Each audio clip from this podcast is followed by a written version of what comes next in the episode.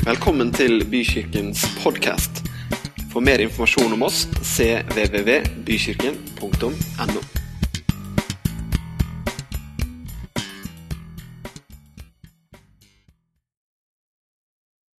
Han er oppstanden! Nei, det er for dårlig, vet du. Han er oppstanden! Ja, han er det. Du vet at eh, det er mye av påsken som går i moll. Men dette er dagen hvor moll er over. Nå er det ikke lenger den stille uke, det er ikke lenger den mørke uke. Det er oppstandelsesdagen, og til og med den norske stat har skjønt at i dag så skal flaggene til topps. Halleluja. Og det er ikke bare, er ikke bare liksom sånn eh, på flaggstengene, men det er inne i hjertene våre. Jeg får alltid sånne bord med svikt, men det går sikkert bra. Vi prøver. Men det er jo helt fantastisk å kunne møtes på akkurat denne dagen og feire det Jesus har gjort. Jeg er sikker på allikevel at det er noen som har det kanskje litt sånn som jeg har det i forhold til høytidene. Når man har en personlig tro, når man ber hver eneste dag, når man lever livet i lyset av Jesus Kristus, og når man lever livet i troen på Han, så er det ikke sånn at alle de andre ukene er liksom mørke og dårlige, og så kommer høytidene som en sånn Ja, da må vi liksom våkne til live igjen. Er du med på tanken? Er, altså, vi, vi, lever dette livet som troende. Hvis du er troende, så lever vi jo dette livet hele tida. Og så er høytidene gode for oss, fordi at høytidene det er med på å sette fokus på ulike sider av troen. Men det er ikke høytidene i seg selv som er bærende for troen. Det som er bærende for troen, er den personlige relasjonen, forholdet til Gud. I dag skal du ikke få en helt tradisjonell påskepreken. Det hadde, det hadde jeg ikke venta meg heller si. Jeg hørte om en prest. Han uh, hadde prekt 31 påske, eh, langfredager på, 31 langfredager Altså I 31 år hadde han prekt på langfredag. Så det var gammel rutine, så han hadde sagt noe sånt som at ja, altså jeg tar det beste av det beste, for dette har vi jo snakka om før. Og du kan for så vidt si det, det er mye bra med, det, med prester. Det var, ikke, det var ikke noe gærent med dem. Men det er noe med det at vi ikke bare går på rutine. I dag skal jeg snakke om eh, personlig påske. Først skal vi lese teksten fra Markus 16. Og vi leser de 20 første versene. Du kan slå det opp i Bibelen din, eller så kan du følge med på skjermen. Det er, det er, det er dagen i dag for mange år siden, da sabbaten var over kjøpte Maria Magdalena og Maria Jakobs mor og Salome velluktende oljer for å gå og salve ham. Tidlig om morgenen den første dagen i uken kom de til graven da solen gikk opp. De sa til hverandre, 'Hvem skal vi få til å rulle bort steinen fra inngangen til graven?' Men da de så opp, fikk de se at steinen var rullet fra.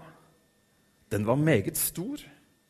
Da de kom inn i graven, så de en ung mann sitte på høyre side, kledd i en hvit, lang kjortel, og de ble forferdet. Men han sa til dem, Vær ikke forferdet. Dere leter etter Jesus fra Nasaret, den korsfestede. Han er stått opp. Han er ikke her. Se, der er stedet hvor de la ham. Men gå og si til disiplene hans og til Peter han går i forveien for dere til Galilea. Der skal dere få se ham, slik som han sa dere. Da gikk de ut og flyktet bort fra graven, skjelvende og ute av seg. De sa ikke et ord til noen, for de var redde. Etter at Jesus var stått opp igjen, Tidlig den første dagen i uken viste han seg først for Maria Magdalena, som han hadde drevet sju onde ånder ut av. Hun gikk av sted og fortalte det til dem som hadde vært med ham, og som nå sørget og gråt. Men da de fikk høre at han levde, og at hun hadde sett ham, trodde de det ikke. Seinere viste han seg i en annen skikkelse for to av dem mens de gikk på veien og skulle ut på landet. Også disse kom og fortalte det til de andre, men de trodde ikke dem heller. Til sist viste han seg også for de elleve mens de var samlet til måltid. Han bebreidet dem for deres vantro og harde hjerter, for de ikke hadde trodd dem som hadde sett at han var stått opp. Og han sa til dem, Gå ut i hele verden og forkynn evangeliet for alt som Gud har skapt. Den som tror og blir døpt, skal bli frelst. Men den som ikke tror, skal bli fordømt. Og disse tegnene skal følge dem som tror. I mitt navn skal de drive ut onde ånder. De skal tale nye tungemål, og de skal ta slanger i hendene. Om de drikker dødelig gift, skal det ikke skade dem. Og når de legger hendene på syke, skal de bli friske. Etter at Herren hadde talt med dem, ble han tatt opp til himmelen og satte seg ved Guds høyre hånd. Men de gikk ut og forkynte overalt, og Herren virket med og stadfestet ordet gjennom de tegn som fulgte. Herre, jeg vil takke deg for ditt levende ord. Jeg vil takke deg for at du sendte din sønn til jorda som en soning for vår skyld og synd og skam. Jeg vil takke deg for at du har åpnet en ny og en levende vei som vi får gå på i dag. Og jeg takker deg for at du er her med ditt nærvær. Du er her ved din ånd, og der hvor du er, der møter du mennesker akkurat der hvor de er, og jeg ber om at det skal skje akkurat i dag. Amen.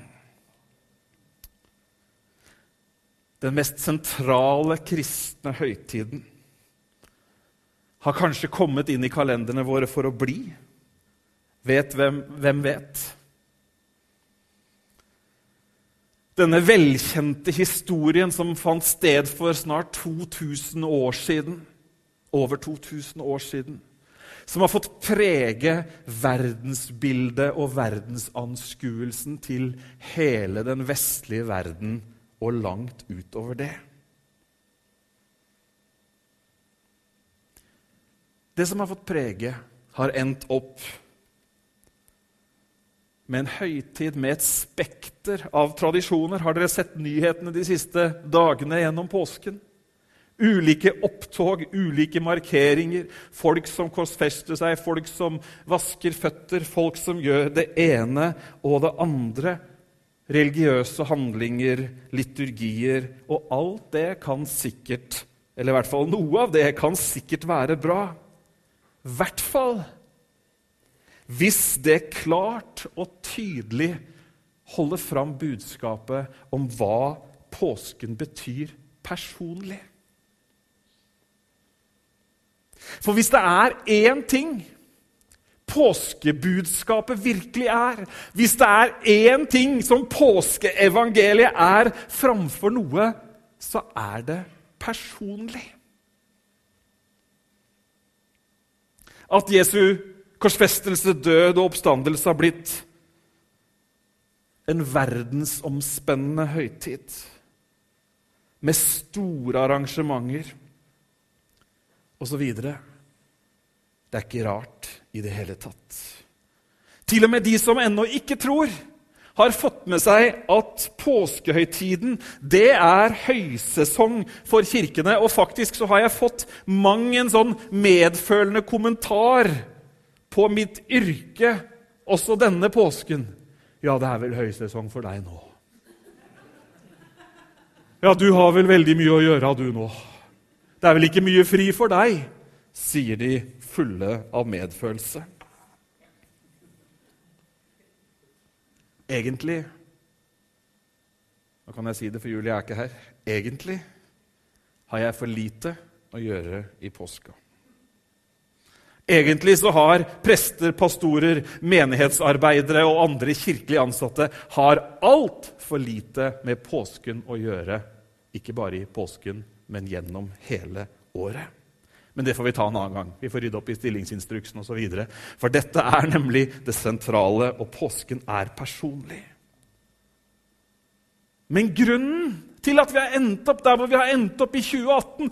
Grunnen til at dette står i kalenderen, grunnen til at det er store innslag i mediene osv., og, så videre, og alle vet at nå er det påske, og du kan gå inn og sjekke når påsken faller. Mange år framover har de regna ut, sånn at du skal få kunne planlagt best mulig.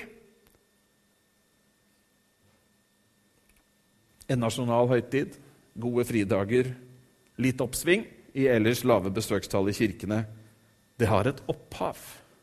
Likevel så er det sånn at stadig flere, ganske store andeler av de som tar seg påskeferie, og som gjør unna sin del av de 25 millionene, millioner Kvikk Lunsj som blir spist i løpet av påsken Likevel så er det sånn at stadig flere av dem egentlig ikke aner hva påsken dreier seg om. Og enda mindre aner de at det egentlig er dem selv det dreier seg om. Påskens budskap er et nært budskap. Det angår alle mennesker. Det angår naboen din. Det angår kollegaene dine, det angår de du kjenner. Men saken er at det har gått dem hust forbi at det sentrale i påskens budskap angår dem på et personlig nivå. I hvilken grad angår det meg? I hvilken grad angår det deg at påsken angår dem? Påsken er personlig. Derfor har jeg lyst til å bruke noen minutter denne formiddagen på å snakke om personlig påske. Samfunnet vårt og kirkene våre, kirken og kirkene våre, har laget en institusjonalisert kirke. En kirke som har vært så lenge at den har blitt en institusjon. Den har, sine, den har sin plass, den har sin økonomi osv. Og, og også i frikirkesamfunnene så har vi latt det til en viss grad skje. Og kanskje syns noen at det er veldig bra.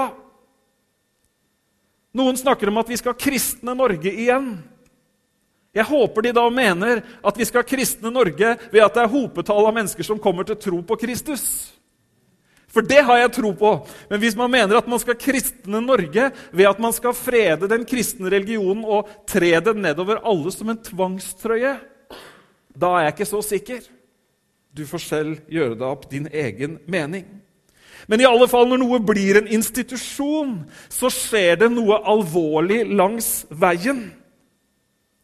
Når Kirkens hovedoppdrag ikke lenger hviler på den enkelte troende, men for Den norske kirke sin del, staten eller politikerne.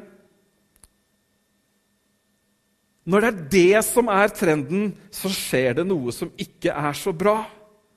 I vår del, Vi får snakke, vi får snakke for vår grein av kirketreet så har vi en tanke, og det er veldig mye bra i den tanken. Nå må vi klare å ha to tanker i hodet samtidig. Vi har en tanke om at jo flere vi kan få i, i en betalt stab, jo bedre er det, sånn at det blir utført det som vi syns skal utføres. For noen må jo ta ansvar. Er du med på tanken? Men ha to tanker i hodet samtidig. Jeg kan jo ikke avskrive min egen jobb her og nå. Men hør her. Det er mye bra med det, men det alvorlige er at det skaper en avstand. Mellom hva da? Det skaper en avstand mellom den troende og oppdraget som de troende har. Fordi vi har jo betalt noen til å gjøre det. Det er jo noen andre sitt ansvar. Er du med på tanken? Og enda mer alvorlig er det hvis den avstanden ikke blir bare en avstand til oppdraget, men den blir også en avstand til oppdragsgiveren. Er du med på tanken? Ja, vi trenger jo en eller annen prest. Vi trenger jo en eller annen, et eller annet som kan gjøre noe for oss. Ja, vi trenger prester. Ja, vi trenger apostler. Vi trenger lærere, forkynnere, pastorer osv. Men påsken er personlig. Veien er åpna til å ha en personlig relasjon med Gud sjøl. Ja, Skal vi bare liksom, eh, skal vi slutte å gå i kirken nå? Nei, på ingen måte snakker ikke om det. Vi må ha to tanker i hodet samtidig. Henger du med?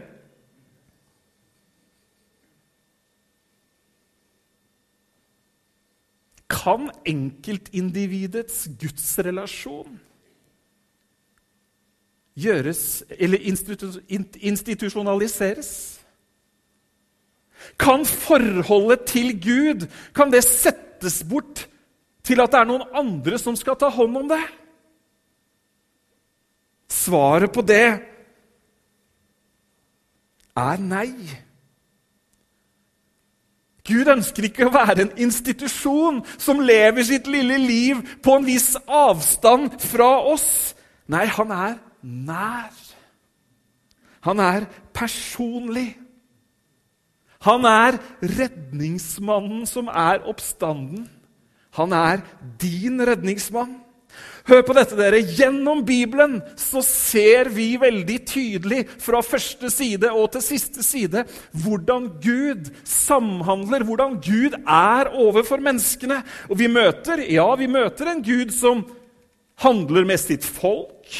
Vi møter en Gud som tar hånd om sin nasjon. Men det er alltid, og jeg sier alltid, det er alltid på et personlig nivå. Tenk det persongalleriet som vi har her i Det gamle og Det nye testamentet. Det er ikke liksom en gud som en udefinerbar størrelse som håndterer eller opererer mot en eller annen sånn folkemengde som ikke er angitt. Det er alltid en gud som er nær, som er personlig, som taler, som leder, som formaner, og som viser kjærlighet og omsorg for enkeltpersoner. Navngitte personer. Personlig påske. Som lever i en relasjon. Som har et forhold til Gud. Ikke distanserte medlemmer av en institusjon. Dere, Påsken er personlig fordi den angår ditt og mitt liv. Den angår menneskene rundt oss. Og påsken har et personlig budskap til hver og en av oss i dag. Ja, hva mener du med det? Jeg har da kommet til tro. Jeg har da lest min bibel, og jeg har da gått på søndagsskole og det ene og det andre. Det er kjempebra. Flott. Supert. Men påsken har allikevel et personlig budskap til deg og meg i dag. Den kaller oss til å leve helhjerta for Gud. Jeg nevnte disse enkeltpersonene som vi leser om i Bibelen.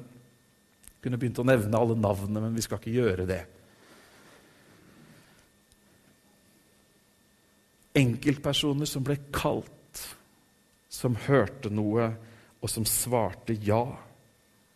Og som på den måten brakte Guds kjærlighet, Guds nærhet, til sin generasjon. Det er disse enkeltpersonene. Kanskje ikke så mange av de, kanskje ikke du føler at du har et sånn spesielt forhold til Gideon. Jeg vet ikke. Takk, kjære Gideon, for det du gjorde. Kanskje vi kommer litt nærmere på Paulus. da. Jeg vet, når jeg var ung, så var det veldig kult. Ja, det og det skal jeg ta opp med Paulus når jeg kommer opp. liksom. Han har vi litt mer personlig relasjon til. Men hva med de andre? Hva med generasjonene våre, generasjonene som har gått foran oss? Det er jo på dem skuldre vi bokstavelig talt står når vi står i dag. Det er på dem skuldre vi ser videre. Noen har gått foran. De er en direkte årsak til at du og jeg er her i dag. Fordi de hadde en personlig påske. Et personlig forhold til Gud. De bærer oss. Og spørsmålet mitt er hvem skal bære de som kommer etter oss? Jeg har ingen tro på at noen institusjon, enten den heter det ene eller det andre, kan bære generasjonen som kommer etter oss. Men jeg tror på at du og jeg, som har opplevd en personlig påske, vi kan gi videre det vi selv har fått. Amen. Påsken er personlig. Jeg håper at påskens mange gudstjenester og arrangement får påskebudskapet tydelig fram. At han lever. Dere, Hvis ikke Jesus lever, hvis ikke Jesus har stått opp, da sier Bibelen selv at da er vi de ynkeligste av alle. Du skjønner, Det faktum at Jesus sto opp, det har perspektiv i begge retninger. For det første så beviser det at det han sa om seg selv, var sant. Han hadde jo sagt på den tredje dagen skal jeg stå opp igjen. Ikke bare han hadde sagt det, men profetene mange, år, mange, mange, mange, hundre år før hadde sagt at det kommer til å komme en, og han kommer til å dø på et tre, og han kommer til og han kommer til For hundrevis av år siden. Og så skjedde det. Og hvis det er Hvis det som ble sagt, fikk sin sannhetsoppfyllelse i påsken, på den første påskedag, at Jesus lever, da har jeg all grunn til å tro at resten av historien også er sann. Amen. Hvis alt det andre stemte, så tror jeg at resten stemmer også. Og resten av historien er en god historie. For resten av historien er historien om en frelser som kommer tilbake for å hente deg og meg. Og det er dette håpet som har båret mennesker, ikke på et institusjonalisert nivå, men på et personlig nivå opp gjennom hele historien. Uansett hvor mørkt det har sett ut, uansett hvor enorme forfølgelser de troende opp igjennom har, hva de har stått overfor, så har det vært ett håp. Det har vært ett rop. Han lever. Han lever. Og Jeg elsker det, jeg veit at jeg sier det ganske ofte, men jeg elsker det verset. Det står det at det var ikke mulig for døden å holde på ham. Med andre ord så prøvde døden og tapte. Halleluja! Og Dette er ikke en sånn institusjon, dette er ikke en eller annen læresetning, men dette er det personlige i påsken. Han døde for deg. Han døde for meg.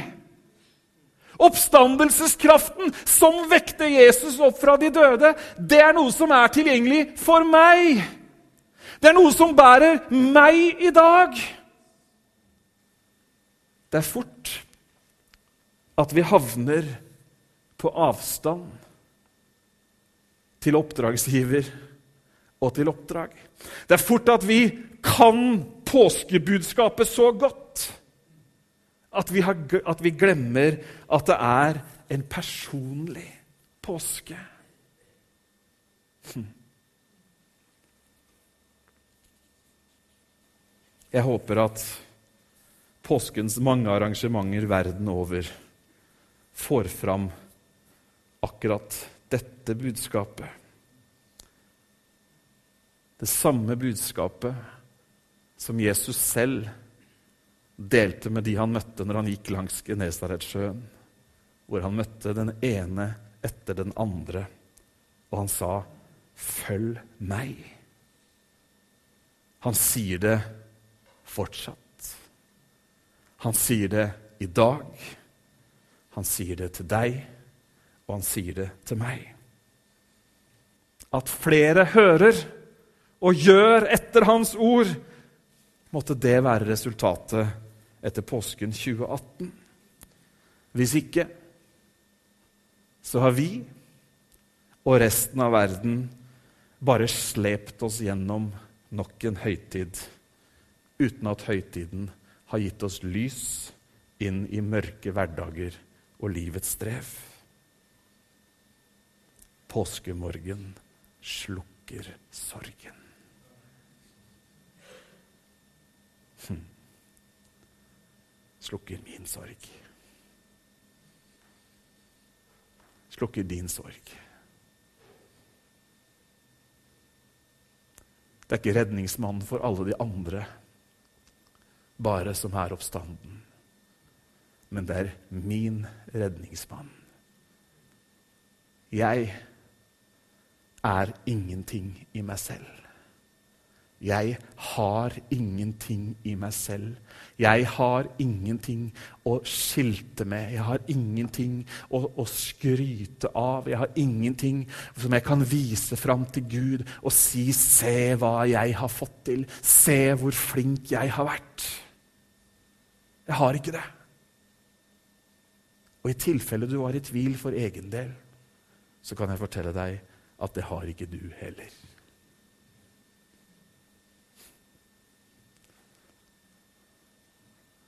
Og jeg tenkt å si, Er ikke det fantastisk? Men det passa liksom ikke helt. det fantastiske er at det er én som har gått oss i møte i vår elendighet.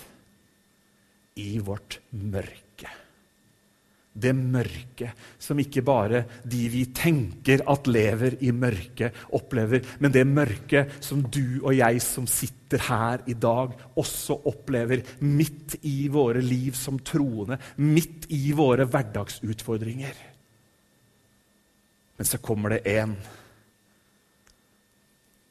og han er nær. Han er personlig. Han sier at 'jeg har seiret over denne verden'. Du kan ta din tilflukt til meg. Hm. Vi skal lese et bibelvers til fra Markus 8. Det er Jesu egne ord.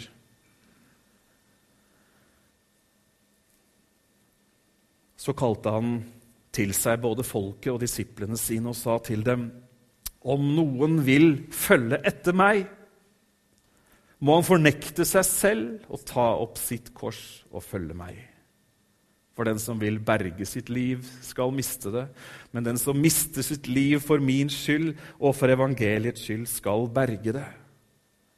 Hva gagner det et menneske om det vinner hele verden, men taper sin, sin sjel? Og hva kan et menneske gi som vederlag for sin sjel? For den som skammer seg over min, meg og mine ord i denne utro og syndige slekt, skal også menneskesønnen skamme seg over når han kommer i sin fars herlighet sammen med de hellige engler. Hm. Kallet er personlig, dere. Vet du hva? Det holder ikke at jeg tar opp korset for deg. Sagt på en annen måte jeg kan ikke ta opp korset for deg. Du kan ikke gjøre det for noen andre heller. Jesus er utrolig praktisk, og han sier om noen vil følge meg, så må han fornekte seg selv og ta sitt kors opp og følge meg. Kallet er personlig. Troen er personlig. Vet du hva? Det er ingen som kan tro for deg.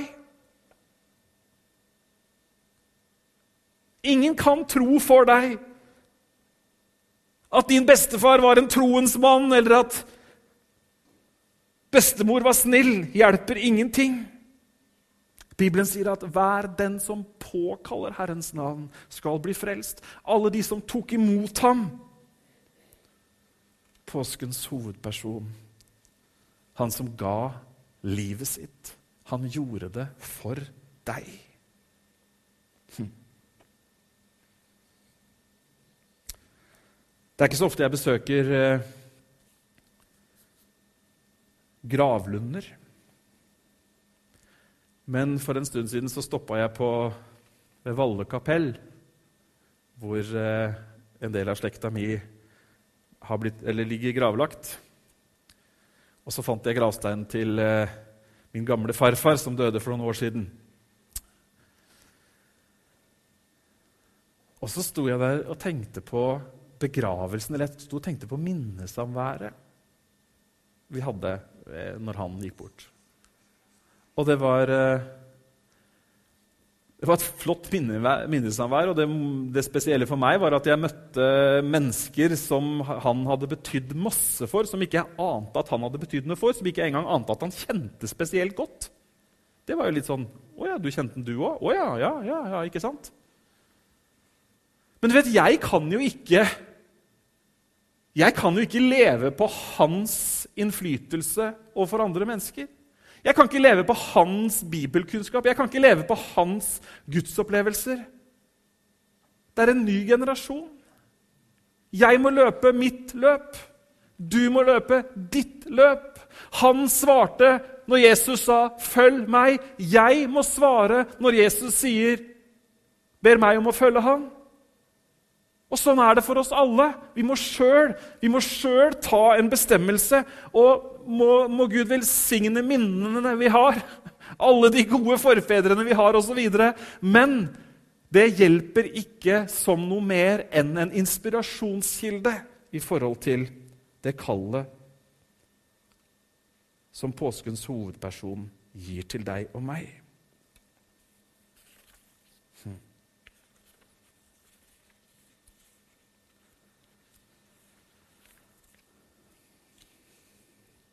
Påsken har mange skikkelser, mange karakterer. Jesus er hovedpersonen, men vi har, vi har jo Peter, som fornekta Jesus. La du merke til hva engelen sa til Maria og de andre? Gå og si til disiplene hans og Peter. De skjønte at Peter hadde, Peter hadde fått det såpass mørkt at han måtte få en personlig hilsen. Ikke sant? Han hadde rett, han hadde rett og slett for, for, han hadde rett og slett banna på at han ikke kjente Jesus, og han trengte denne lille oppmuntringen. Si det til disiplene. Han var jo en av disiplene. Kunne ikke bare sagt si det til disiplene. Nei, si det til disiplene og Peter. For Peter er såpass ute av seg nå at han må få vite at det gjelder han også. For han har gjort noe så ille at han har ekskludert seg sjøl. Ikke sant? En annen person som jeg har tenkt spesielt på denne påsken, som er sentral i, i hendelsene som fant sted. Og det er han eh, godeste Pilatus. Snakk om å ha en dårlig dag på jobben. Snakk om å være på feil sted til feil tid. Jeg er rimelig sikker på at han var rimelig sur på keiser Tiberas for at han var plassert akkurat her. Og åpningen for, eh, for eh, Pilatus kom når han skjønte, de, han skjønte på det de snakka om, at og, og han er galileer. Ja vel! Han dere kommer med, er galileer. Ja, men så fint! Da sender vi han jo til Herodes, for det er jo kong Herodes som har kontrollen der. Så sendte de han til Herodes. Forholdet mellom Herodes og Pilatus var ikke spesielt godt, faktisk. Men Herodes han ville ikke ta i dette greiene her, så han lot Jesus piske, og de hånte han, og så sendte han tilbake til Pilatus. Men det var noe ved Jesus som myknet hjertet til Pilatus. Denne bøddelen av en guvernør. Han hadde mangfoldige liv på samvittigheten. Han hadde dømt folk til, til døden i hopetall. Men så sier han allikevel 'Jeg finner ingen skyld hos denne mannen'. Når han kommer tilbake fra Herodes, så håper han at folk i hvert fall skal bruke øynene sine når han stiller Jesus framfor folkemengden og sier 'Se det mennesket'. Der sto han, pint og slått. Og spørsmålet hos Pilatus var hva skal jeg gjøre med Jesus? Hvordan skal jeg komme hvordan? Og så kjenner vi historien. Men noen ganger så tenker jeg på dette valget som Pilatus står overfor. Han hadde makt. Han hadde makt til å sette Jesus fri. Hør hva jeg sier. Han hadde makt til å gjøre det. Han kunne satt Barabas inn i fengsel. Han kunne fortsatt på han, han, eller han, han fortsatte jo på ondskapens vei, men han kunne ha valgt annerledes. Jeg vet ikke hvilke tanker som surra rundt i hodet på Pilatus den dagen. Men kanskje det var noe sånn som Hva skjer hvis jeg velger deg, Jesus? Og kanskje den andre tanken var Hva skjer hvis jeg velger Barabbas? Han sto ved et veiskille. Det veiskillet står du og jeg også overfor. Kanskje ikke like brutalt i fysisk uttrykk, men like brutalt i åndelig sannhet. Personlig påske. Hvem velger jeg? Hvilken side velger jeg?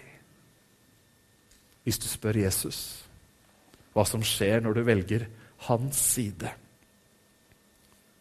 så får du svar. Husker dere røveren på korset? Det var jo to. Han ene valgte rett. Han andre valgte galt.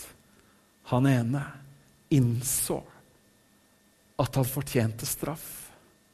Men så skjønte han at han sto overfor en personlig frelser. Og så sa han, 'Husk på meg, Jesus, i dag når du kommer i paradis'.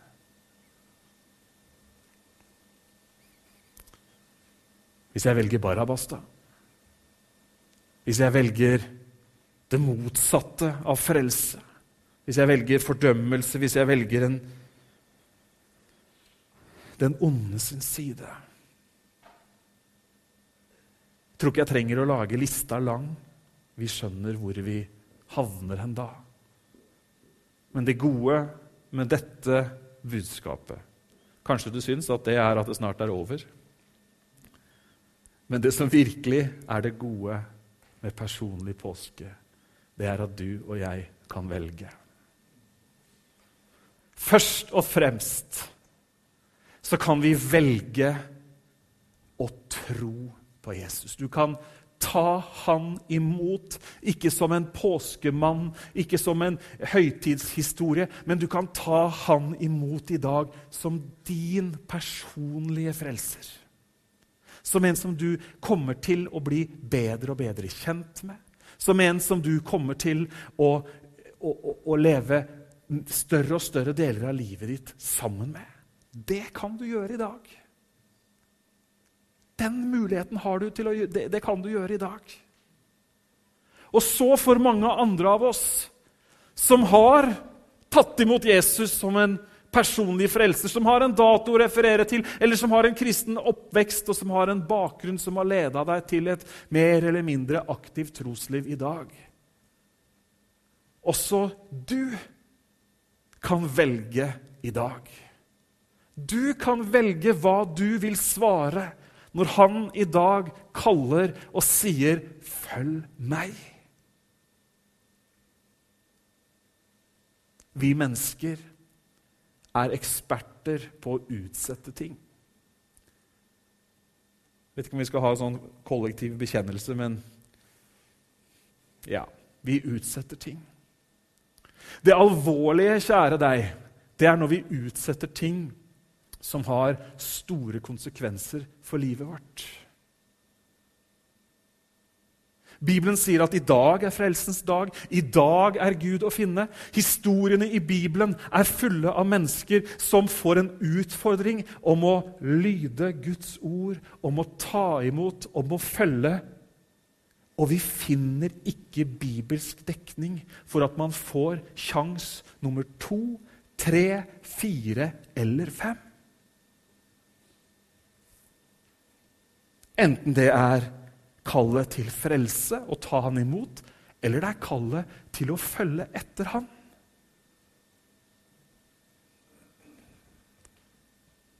Syns du det var streng? Det er sant. La oss ikke utsette.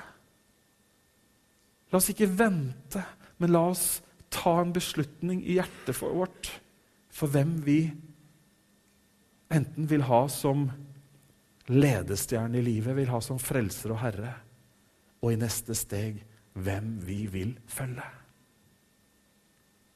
Bibelen snakker om dette, og så sier en Forherd ikke deres hjerter i dag når Han kaller.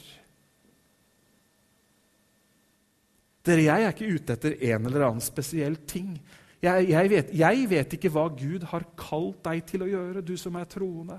Jeg vet, hva, jeg vet, ikke hvilken dialog du fører med Herren i forhold til de tingene som du kjenner at Han drar hjertet ditt mot. Men det jeg vet, er at du må ta et valg. Det jeg vet, er at påskens hovedperson er en person. Personen er personlig. Han heter Jesus Kristus, og han kaller mennesker i 2018 til å tjene han. Og det er på ulike måter. Men kallet lyder, og kallet, det har også lytt her i dag.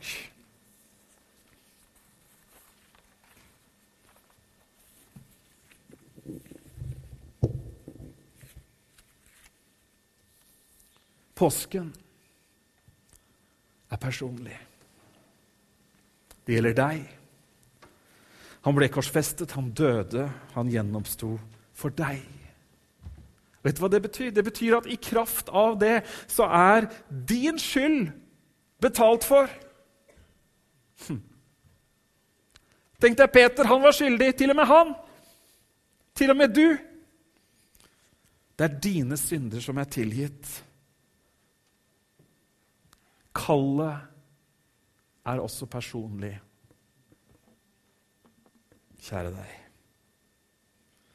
Her har den universale kirken ingenting å bidra med. Her har ikke den lokale kirken stort å bidra med utover det jeg gjør her og nå. Valget er ditt.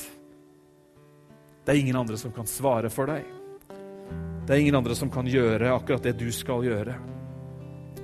Og det er hver enkelt en av oss som må si ja eller nei.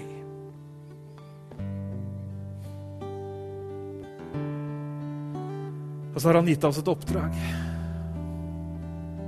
Andre Korinterbrev 5,19 sier For det var Gud som i Kristus forsonte verden med seg selv, slik at han ikke tilregner dem deres misgjerninger. Og han betrodde budskapet om forsoning til oss. Han betrodde budskapet om forsoning til oss. Han betrodde budskapet om hva som skjedde på korset. Det budskapet har han betrodd oss. Så står det videre Så er vi da, siden han har betrodd dette budskapet til oss, så er vi da utsendinger for Kristus.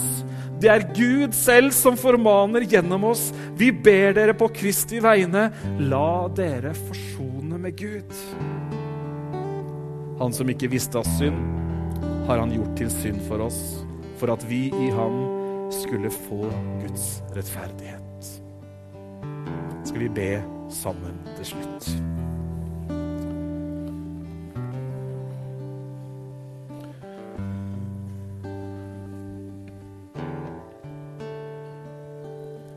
Kjenner ikke din historie, kjenner ikke din bakgrunn. Vet ikke engang navnet ditt. Men hvis du er her i dag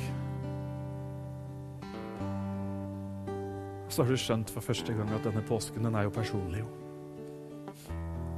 Det er jo, det er jo meg den handler om.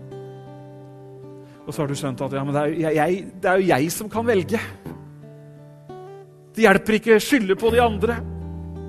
Husker dere de debatten vi snakka litt om her på, for et par uker siden, hvor Peter liksom Ja, men hva med han, da? Hva har det med deg å gjøre, sier Jesus. Følg du meg. Dette er et sånt øyeblikk hvor du kan legge alle andre årsaker og forklaringer og alt til side.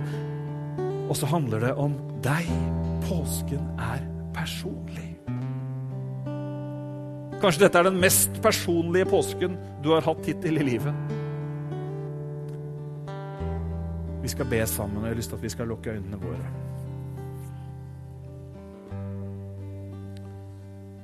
Så har jeg lyst til å be en bønn for for deg som har lyst til å ta et valg i dag om å ta imot Jesus. Ta imot det han har gjort. Det er liten hjelp i å utsette. Du vet ikke hvor mange sjanser til du har. Det er én ting. En annen ting er at hvis du tenker at du skal utsette for å prøve å pynte litt på livet, så kommer du aldri til å kunne pynte godt nok. Kan ta imot Han akkurat sånn som du er akkurat nå. Hvis du har lyst til å være med meg i en bønn hvor vi ber Han om å komme inn i ditt liv som, som din personlige frelser, herre og venn, så kan du mens alle har øynene bare lukket, så kan du rekke en hånd i været, og så skal vi be sammen. Hvis det er noen.